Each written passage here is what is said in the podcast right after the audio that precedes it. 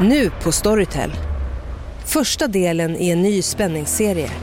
En liten flicka hittas ensam i en lägenhet. Hennes mamma är spårlöst försvunnen. Flickans pappa misstänks för brottet men släpps fri trots att allt tyder på att han är skyldig. Olivia Oldenheim på åklagarkammaren vägrar acceptera det och kommer farligt nära gränsen för vad hon i lagens namn tillåts göra. Lyssna på När allt är över av Charlotte Al-Khalili på Storytel.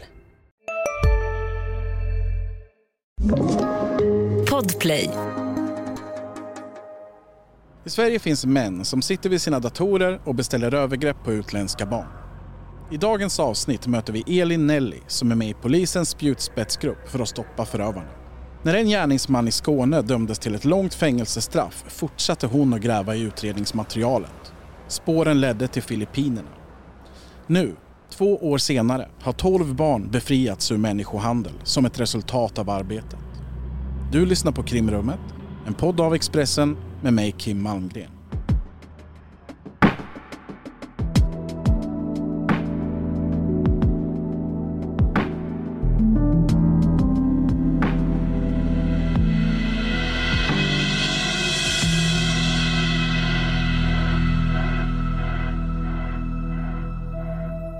Välkommen till ett nytt avsnitt av Krimrummet. Jag sitter som vanligt här i poddstudion på Expressen. Mitt emot mig idag sitter Elin Nelly. Välkommen. Tack så mycket. Du jobbar inom polisen på någonting som heter Nationellt IT-brottscentrum. Vad, vad är det för något? Nationellt IT-brottscentrum ligger på NOA, nationella operativa avdelningen. Eh, Nationellt IT-brottscentrum heter även Swedish Cybercrime Center och är en del av hur Polismyndigheten har organiserat sig efter 2015. Då vi eh, fick ett eh, förslag från Europol att alla medlemsländerna skulle ha ett cybercrime center och jobba nationellt med internetrelaterade brott. Så på Nationellt IT-brottscentrum, eller SC3 som det också kallas, utreds eh, övergrepp mot barn, internetrelaterade och datorintrång. Det är framförallt den delen som gäller sexuella övergrepp mot barn som vi ska prata om idag. Jag tänker vi stannar lite vid dig där. Hur, hur länge har du jobbat inom polisen? Hur har din resa sett ut för att hamna där du är idag? Eh, jag började inom Polismyndigheten 2007. Jag är socionom.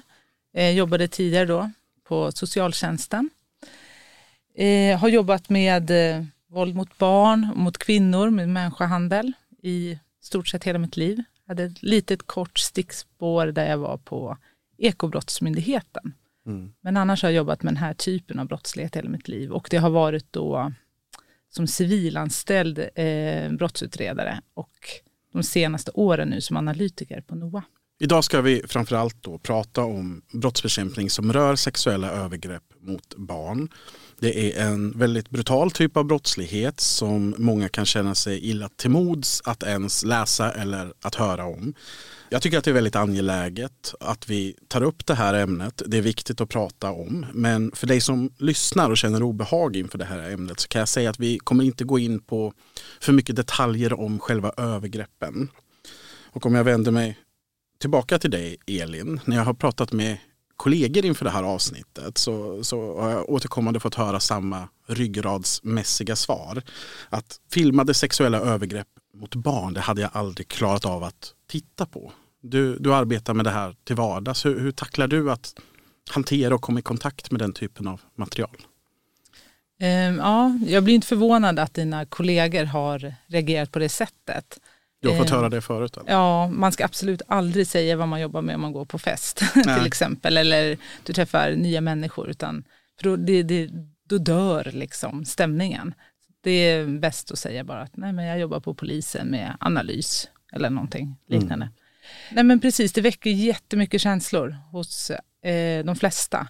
Eh, och eh, alla är olika, men jag fungerar så att eh, om jag får jobba med någonting som är meningsfullt eh, som, eh, där jag har möjlighet att göra skillnad för utsatta människor, då fungerar jag bra. Då mår jag bra. Har man det eh, bra kollegor, eh, förutsättningar på jobbet att eh, arbeta strukturerat och metodiskt, då kan man även jobba med den här typen av eh, utsatthet. Och eh, arbetet innebär inte att jag dagligdags sitter och tittar på, alltså att jag exponeras för övergrepp mot barn, utan eh, mitt arbete är lika mycket att analysera chattar där folk alltså har skrivit eller att identifiera IP-adresser eller transaktioner. Så att eh, det ska man komma ihåg att om man eh, tänker att eh, polisanställda dagligdags sitter och, och, och liksom bara exponeras för övergrepp. När man jobbar med den här brottstypen så, så mm. är det inte riktigt så nattsvart. Men, men även om det inte är så hela tiden, men det är en mm. del av arbetet. Del av Känner arbetet. du att det påverkar dig och, och, hur hanterar du det i så fall? Jag tror att man får utgå från att det påverkar en. Jag vet ju inte vem jag hade varit om jag inte hade jobbat med utsatthet. Eh, jag vet ju bara vem jag är idag. Och mm. Eh, jag tänker att det, det är viktigt att man går till sig själv och ser om man, om man klarar av att jobba med den här typen av mörker. Och för min del så, så vet jag att om jag har liksom förutsättningarna att eh, få arbetsro och möjlighet att liksom arbeta eh, på ett professionellt och strukturerat sätt, då klarar jag av att jobba även med övergrepp mot barn. För jag kan någonstans känna en solidaritet med barnet och då menar jag att om vi har ett litet barn som blivit utsatt för ett övergrepp och det finns vuxna som inte ens eh, klarar av att hantera det här eh, utifrån en professionell alltså inställning att bekämpa brotten, då har vi ett riktigt problem. Det blir ett barnet svek mot har? Ja, det blir ett svek mot barnet. Alltså, vi har ju både utbildning, vi har handledning, vi har kollegor, vi har IT-stöd det är inte vi som har blivit utsatta, även fast man blir, finns mycket forskning som säger att man blir posttraumatiserad eller man är sekundärt traumatiserad när man exponeras för den här typen av övergrepp. Jag vet att jag har hört tidigare att man om, om man jobbar inom polisen och exponeras mot då barnpornografi, att man har någon typ av avlastningssamtal som en del av den, den ordinarie verksamheten. Och sånt där. Fin, finns det något sånt hos er? Precis, det heter eh, handledning och eh, vi får gå i handledning även eh, eh, medarbetare som arbetar med eh, ej internetrelaterade brott, alltså våld mot kvinnor, eh, våld mot barn. Eh, alltså jobbar man med den typen av utsatthet så har man rätt till handledning. Det finns även andra grupper inom myndigheten som har rätt till kontinuerlig handledning. Och sen vill jag bara lägga, ehm, lägga in då en jag vill att vi ska tänka på hur vi använder begreppen. Därför att eh, inom Polismyndigheten så vill vi få till ett förändringsarbete där vi inte pratar om eh, barnpornografi. Det är själva brottet eh, som eh, står i brottsbalken. Får man mm. se om man på sikt kan få till en förändring där också. Att man ändrar den termen. Eh, men internationellt och inom Polismyndigheten, även nationellt, så pratar vi om övergrepp, dokumenterade sexuella övergrepp mot barn, child sexual abuse material, och det är viktigt utifrån en, ett perspektiv på brotten där det finns ingen pornografiskt i att ett litet barn blir utsatt för ett sexuellt övergrepp. Mm. Det är snarare en dokumentation av ett Det är en dokumentation övergrepp. av ett brott. Det finns ingen våldtäkt på en vuxen kvinna där man hade sagt eh, att man har dokumenterat en porrfilm till exempel. Om man hade filmat en våldtäkt på en vuxen kvinna. På samma sätt ska det inte heta att det är barnpornografi när man har filmat en våldtäkt på ett litet barn. Mm. Så det, det, det, är någonting, det är ett förändringsarbete som vi driver och eh, vi vill att man eh, eh, övergår till att använda begrepp som övergrepp, övergreppsmaterial, dokumenterade sexuella övergrepp. Sen att själva brottet heter barnpornografibrott, det har inte vi möjlighet att ändra. Det är sedan lagstiftningen som är den snabbaste i ett förändringsarbete kanske. Precis, ibland kanske den ligger före men inte just här. Nej. Jag, jag ska försöka, det här, det här är nytt för mig, jag ska försöka ja, hålla nej, tungan det, rätt i mun här. Får vi se om jag inga, lyckas under avsnittets gång. Inga problem, jag dömer ingen, jag bara lyfter den aspekten.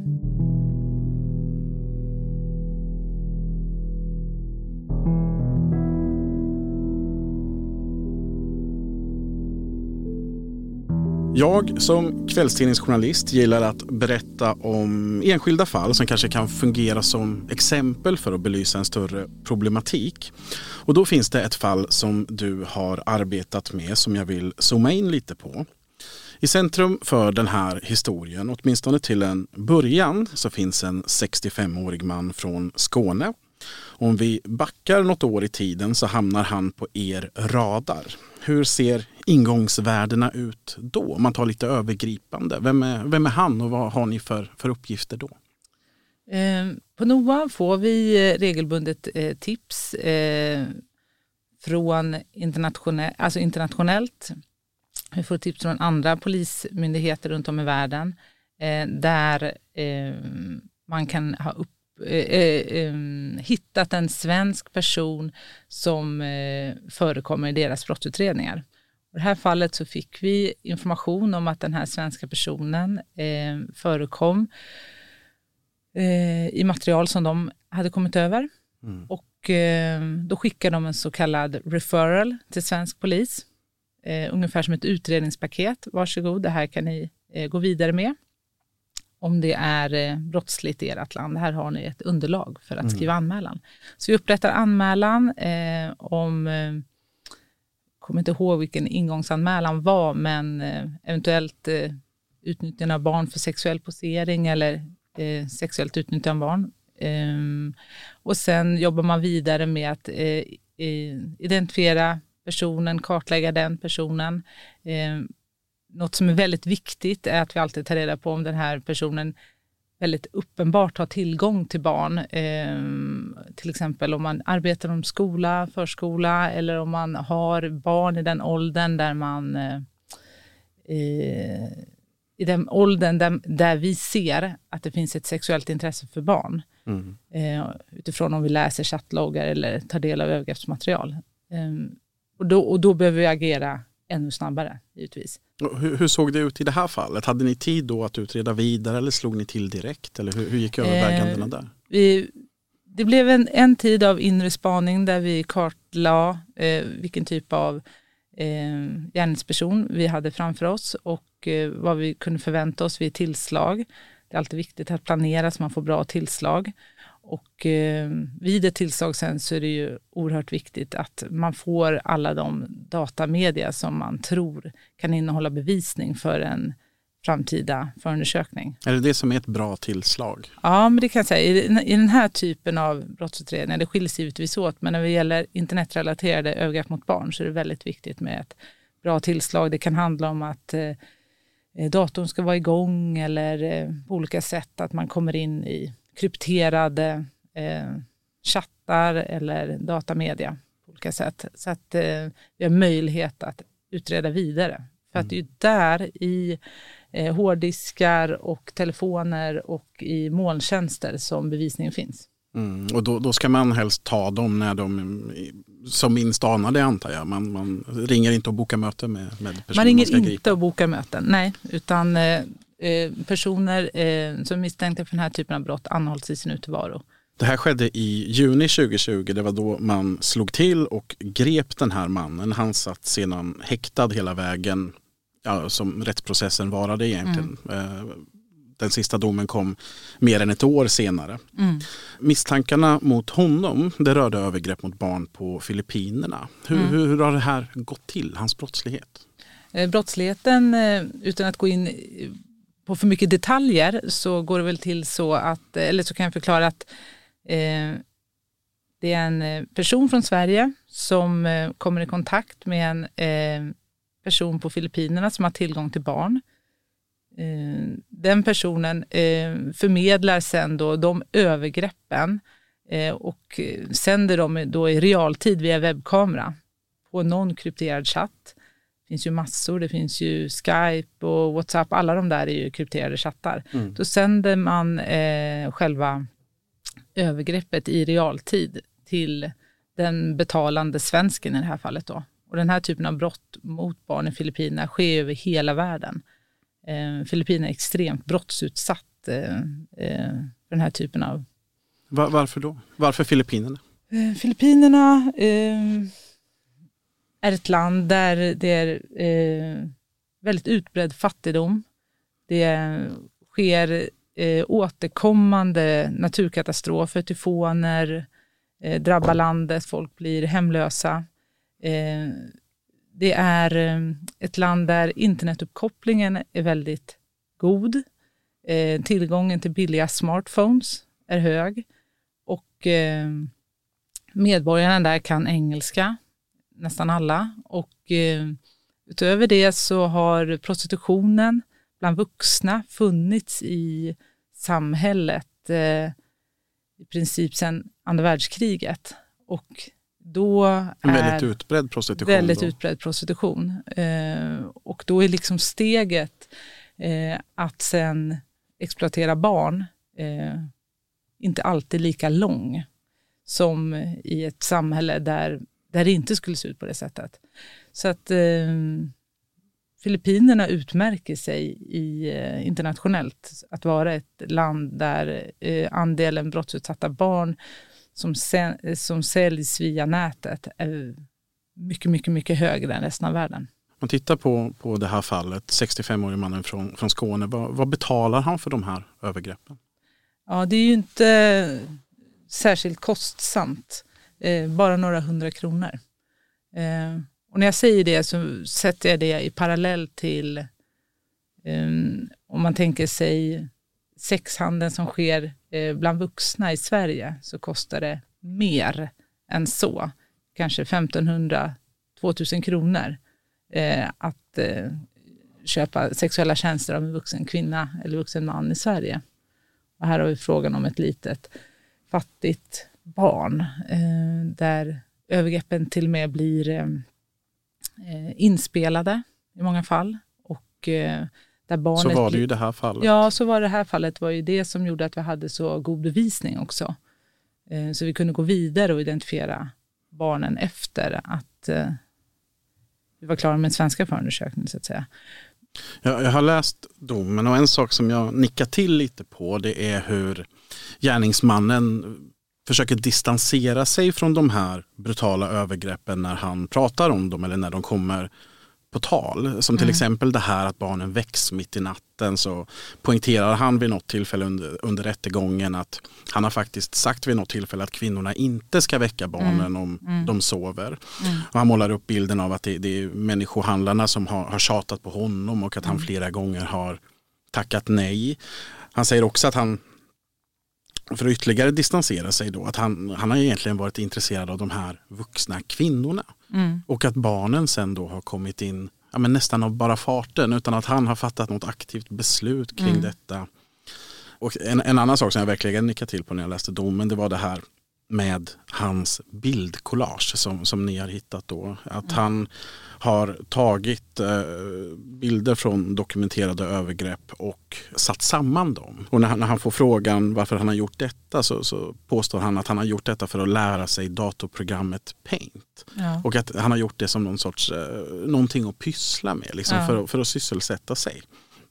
Jag, jag funderar på, är det någonting som ni ofta ser? Att gärningsmännen när de väl blir påkomna, att de, de vill distansera sig från de här övergreppen?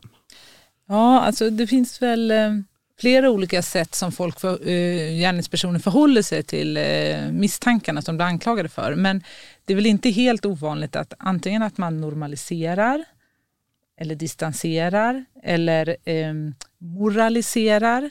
Man tycker att polisen överdriver eh, och det var egentligen frågan om någonting annat och nu är ni inne på fel spår, precis som du säger där att jag var intresserad av kvinnor, de här barnen gick bara förbi.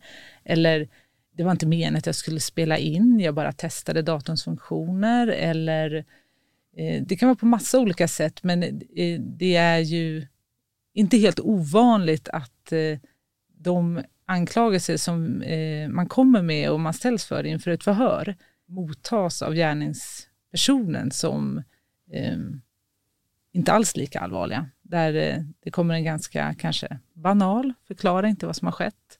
Så det, det, är inte helt ovanligt, precis som du säger. Och just det här att man skyller på att det är någon annan, barn gick förbi. Det hör vi ganska ofta.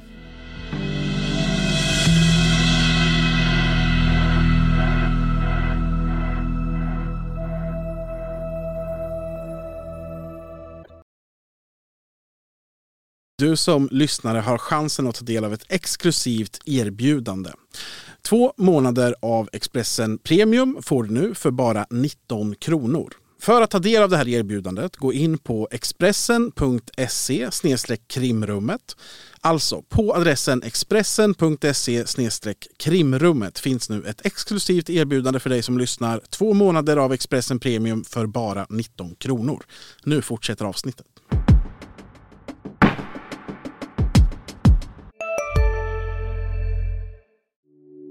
Hej, Ulf Kristersson här. På många sätt är det en mörk tid vi lever i. Men nu tar vi ett stort steg för att göra Sverige till en tryggare och säkrare plats. Sverige är nu medlem i Nato. En för alla, alla för en. Vi är specialister på det vi gör, precis som du. Därför försäkrar vi på Swedea bara småföretag, som ditt. För oss är små företag alltid större än stora och vår företagsförsäkring anpassar sig helt efter firmans förutsättningar. Gå in på swedea.se företag och jämför själv. Bevisningen mot den här 65-åringen från Skåne den är överväldigande och så småningom så döms han för allt detta. Straffet landar på åtta års fängelse och för att på något sätt fånga upp omfattningen i brottsligheten så tänkte jag bara lista upp vad han fälldes för i tingsrätten. Då handlade det om 25 barnvåldtäkter, 21 fall av grovt sexuellt övergrepp mot barn, 46 fall av grovt barnpornografibrott och barnpornografibrott av normalgraden i två fall. I den senare domen i hovrätten så skruvar man till några enskilda punkter i rubriceringen men i, i allt väsentligt så, så fastställdes domen och straffet. Allt det här har ju skett via internet och om man inte är så, så bekant med den här typen av, av brottslighet så låter det kanske konstigt för vissa att han döms som våldtäktsman utan att handgripligen har varit den som har gjort något. Men det är så som lagen ser ut. Om man har medverkat till brottets utförande till viss grad så kan man dömas som gärningsman. Hur, hur ser du på det? Att han, han ses som, som våldtäktsman i det här avseendet snarare än någon, någon form av beställare? Nej men det är ju eh, eh Eh, det praxis som råder nu sedan några år tillbaka. Eh, det var några åklagare på internationella åklagarkammaren på Rio som eh, prövade den här eh, brottsligheten eh, och då eh, gick upp med att Mannen i Sverige skulle ses som en gärningsperson och inte som någon beställare, precis som du beskriver. Och eh, efter det så är det det som är rådande praxis. Jag tänker att det här är väldigt kraftfullt, det här är väldigt eh, bra sätt att se på eh, hur de här brotten ska dömas. Eh, barnet eh, som utsätts för övergreppet eh, har ju kontakt med två förövare. Dels är det en vuxen på plats, det kan vara tre, det kan vara en som filmar eh, på plats i Filippinerna. Det kan vara en person som begår, eller ibland flera personer som begår övergreppet rent fysiskt på barnet i Filippinerna. Och en person någonstans i västvärlden som då betalar och konsumerar det här övergreppet. Så att, att på något eh, vis se på det här som ett förmildrande brott, det som eh, svensken eller västerlänningen gör sig skyldig till, det, eh, det vore väldigt eh, fel, därför att det är ju den personen som är anledningen till att brottet ens äger rum. Mm. Det, det ses ju av rätten som att eh, personen, människohandlaren då, eller mm gärningspersonen på Filippinerna och ja. gärningspersonen i Sverige har gjort det här gemensamt och i, i samförstånd och de mm. ses som gärningsmän båda två. Mm. Din bild, var, var det här en bra dom för er? Åklagaren yrkade på att våldtäkterna skulle bedömas som grova och yrkade på maxstraff 14 år. Eh, så sett ur det perspektivet är ju 8 år långt ifrån 14 år. Jag menar att det finns alla möjligheter för både tingsrätten och hovrätten att eh, bedöma våldtäkterna som grova utifrån den aspekten att eh, det är flera gärningspersoner på plats när barnet blir utsatt för våldtäkten. Mm. Och det är ett av de starka kriterierna för att en våldtäkt ska bedömas som grov. Utöver det har vi de aspekterna att barnet väcks, att det sker mot betalning, att eh, våldtäkten spelas in, eh, att det är ett extremt hänsynslös handel med ett litet barn. Det är en del av organiserad brottslighet. Det finns mycket mer som jag menar man skulle kunna använda för att jag tycker att det är öppen dörr för att bedöma det som grovt och då mm. har vi ett helt annat straffvärde. Eh, så jag hoppas att man ändrar praxis och ser på den här typen av våldtäkter som grova. Om du beskriver liksom grovheten i den här brottsligheten som, som riktas mot barnen, vad säger mm. du om den? Grovheten, tänker jag, alltså man, om man eh, förhåller sig till eh, alla de aspekterna som precis radade upp, det extremt hänsynslösa, så är det en del, alltså det här, eh, precis som jag beskriver, barnet är alltså en, eh, en familjeförsörjare från det att de är väldigt, väldigt, väldigt små. Det finns ju eh, personer i, alltså gärningspersoner runt om hela världen som betalar för övergrepp på väldigt små barn. Och eh, jag menar, ser man, ser man ur den aspekten så är det alltså ett barn som eh, blir utsatt för sexuella övergrepp under hela deras uppväxt kontinuerligt, dygnet runt. Eh, det är en väldigt, väldigt viktig aspekt. Varje gång man ser på den här typen av brott som en enskild händelse, varje gång du öppnar en förundersökning och tittar på den här förundersökningen som en enskild brottshändelse, här har vi vår svenska gärningsman och här har vi de händelserna som han anklagas för, då menar jag att man har misslyckats. Det här är en del av någonting större. De här barnen utnyttjas dygnet runt av personer runt om i hela världen. Så det är en väldigt, väldigt viktig aspekt. Sen är det så, beroende på vad gärningspersonen, gärningsmannen betalar för, så kan man ju lägga graderna av hur pass eh, barnet blir sexuellt eh, exploaterat. Alltså det, det, det, det, är ju helt beroende på vad, eh, vad den personen betalar för. Om man tittar på gärningsmännen på den filippinska sidan, ja. eh, eh vad, vad, har ni för bild av hur, hur de opererade? Är det, ser ni dem som, som organiserade nätverk mm. eh, eller handlar det snarare om kanske enskilda fattiga föräldrar som gör saker med, använder sina egna barn? Vad, vad har ni för bild där? Det finns både och, precis det du nämner. Enskilda fattiga föräldrar som eh, låter eh, andra personer, kanske på samma gata som dem eller närstående, exploaterar deras barn. Att de ger deras tillstånd, ungefär säljer deras barn. Eh, efter skolan till exempel. Eh, den typen. Det finns föräldrar som utsätter sina egna barn, säljer sig själva, säljer barnen. Där liksom hela familjen, hela släkten är en del av det här. Det finns extremt organiserade nätverk kring det här, precis som all organiserad brottslighet där det finns personer som tjänar väldigt mycket pengar, där det finns eh, de som bara tar emot pengar, eh, alltså målvakter, eh, där vi ser att samma namn har kanske 10 olika, 20 olika mejladresser eh, för betalning. Så det finns, finns hela skalan och eh, vi försöker väl eh, kartlägga så gott som möjligt, så, så, gott som det går, då med internationella eh, samarbetspartner i USA, inom Europol-samarbetet. Vad är det här frågan om? Är det ett eh, organiserat nätverk? Hur många kan det röra sig om? Hur många barn har de tillgång till? Det, det, det, finns det är intressant liksom. på, på det, det, du kommer in på här, om man tittar på det här Skånefallet. Mm. När gärningsmannen har fått en fällande dom, han har mm. dömts till fängelse, då ligger det nära till hands att tro att polisens arbete är klart i det här fallet. Så var det inte, utan du fortsätter arbeta med det här materialet som ni fick in i utredningen. Varför gjorde du det? Fanns det någonting att, att gå vidare med? Vad, vad ville du uppnå? Nej, men I de fall där vi har eh, eh mycket information om, om brottsoffren så tänker jag att det är väldigt viktigt och, och det är så vi tänker på NOA, att vi, då vill vi liksom i den mån det går även då eh, identifiera, lokalisera och i den mån då eh, få möjlighet till att de här barnen ska bli omhändertagna. Själva omhändertagandet och, och, och liksom den biten på Filippinerna är ju en precis lika viktig del som att den svenska gärningspersonen ska eh, identifierad och eh, ställas till svars för sina handlingar. Så att eh, jag väljer att eh, ta alla de verktyg vi har i vår verktygslåda och använda allihopa. Vi har väldigt bra samarbete med eh, en eh, avdelning inom amerikanska polisen som heter Homeland Security Investigations, HSI. Eh, de arbetar internationellt eh, mot all typ av internationell brottslighet. Men de har då också ett uppdrag mot sexuell exploatering av barn på Filippinerna.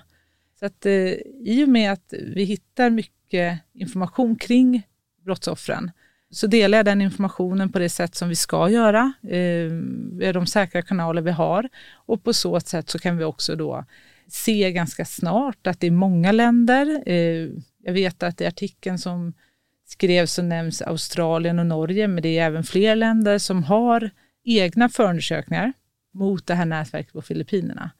Så att de är också då intresserade av att barnen eh, ska lokaliseras, omhändertas och att människohandlarna i Filippinerna ska ställas till svars. Och det görs ju i Filippinerna. Filippinska myndigheter är ansvariga för den biten. Här tror jag att många är nyfikna på hur, hur det arbetet ser ut rent konkret. För jag antar mm. att du, du, och dina kollegor, ni mm. sitter då på massa material mm. som man då försöker plocka varenda liten pusselbit mm, ur och, och, lägga samman. Mm. Eller hur, hur, fungerar det? Ja, men vi har ju eh, bra eh Eh, dator, dataprogram för att liksom eh, plocka fram eh, till exempel som i det här fallet vet jag, eh, det var Skype-alias på eh, människohandlarna. Att eh, strukturerat få ut det från datorerna eh, och kunna kny knyta det till olika identifiers, alltså olika eh, personer som är liksom unika entiteter som är kopplade till just, den här, till just det här Skype-id till exempel. Och att också då se vilket eh, barn eller vilka barn har det här Skype-id förmedlat? Mm. Och vilka transaktioner har gått mot den här eh, grupperingen, den här personen, eh, det här nätverket. Eh, på ett så strukturerat sätt som möjligt försöka kartlägga det här har vi om den här eh, eh, grupperingen i Filippinerna. Vi tror att alla de här adresserna är kopplade mot dem. Alla de här Facebook-kontona till exempel, alla de här barnen. På ett så strukturerat sätt som möjligt ta bort eh, så mycket kringinformation som möjligt. Bara koncentrera sig på hård, eh, konkret fakta. Adresser, telefonnummer, eh, Skype-id, eh, kontokort. Allt sånt som är liksom unikt och som utgör en grund för identifiering.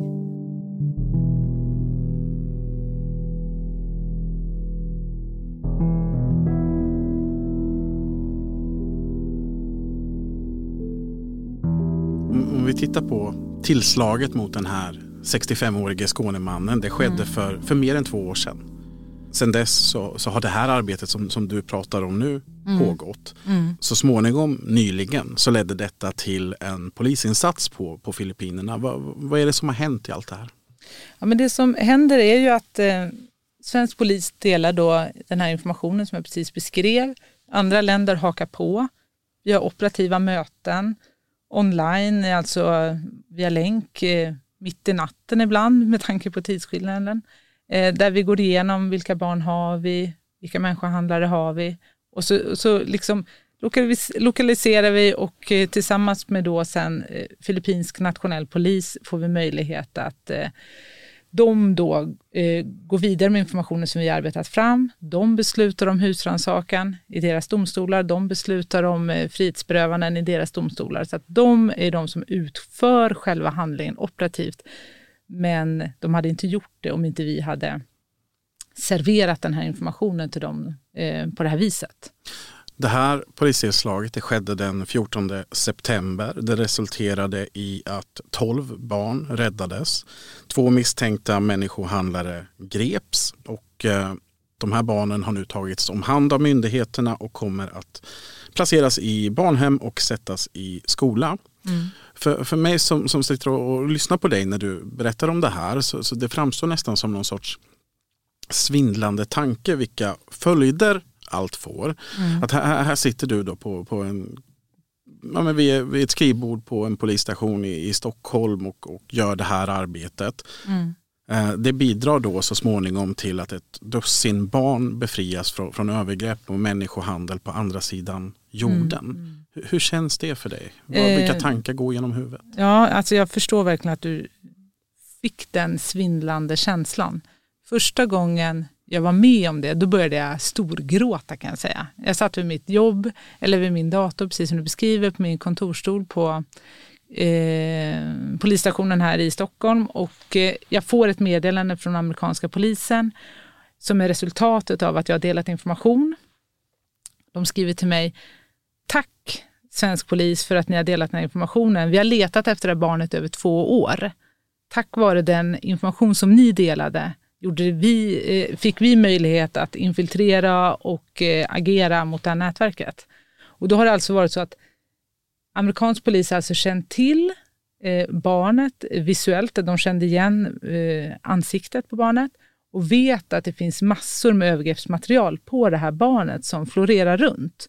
Men de hade ingen aning om vilken människohandlare var som hade tillgång till barnet och sålde barnet.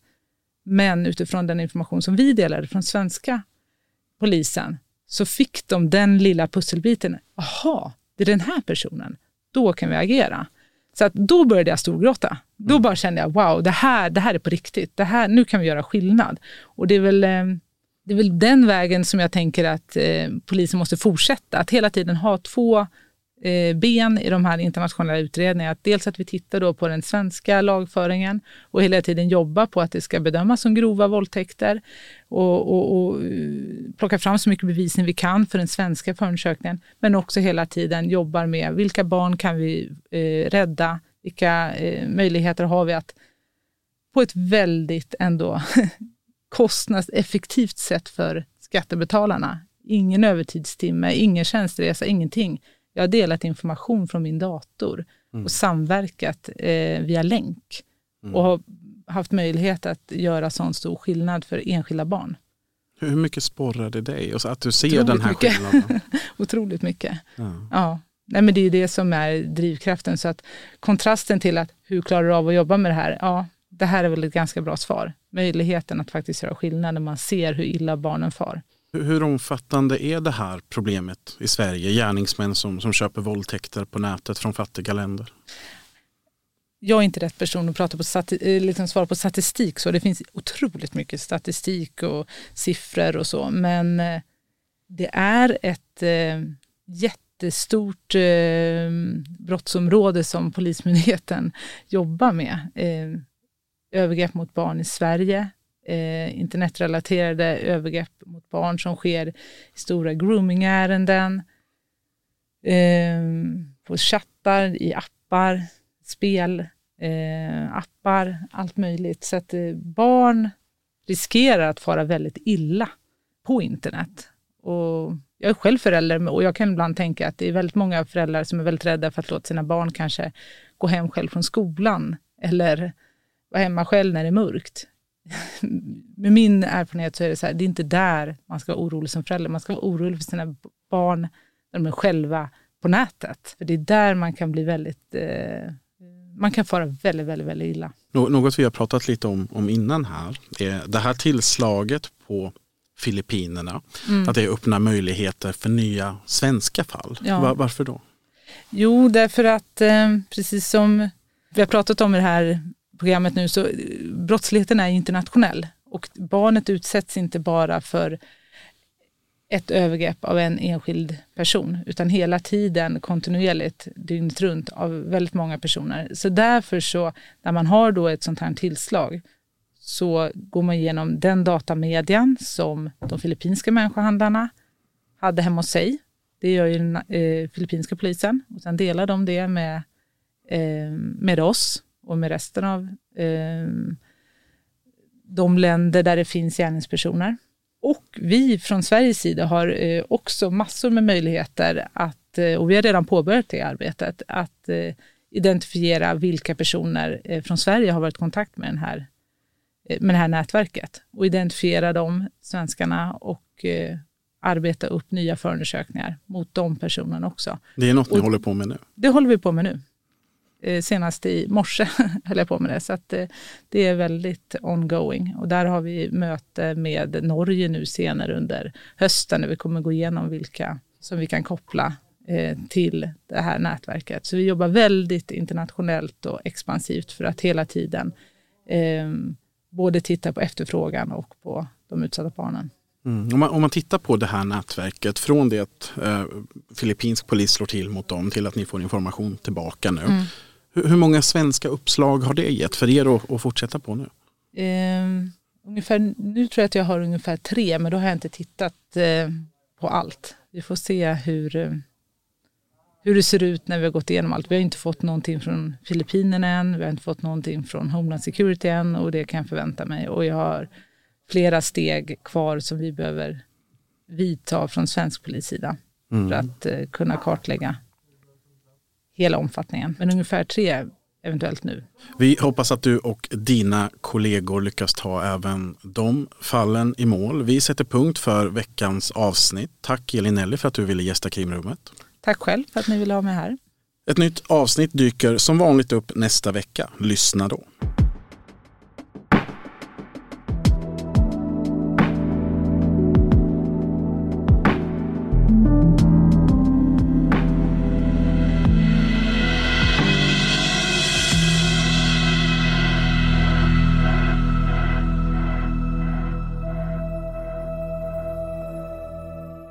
Du har lyssnat på en podcast från Expressen. Ansvarig utgivare Klas Granström.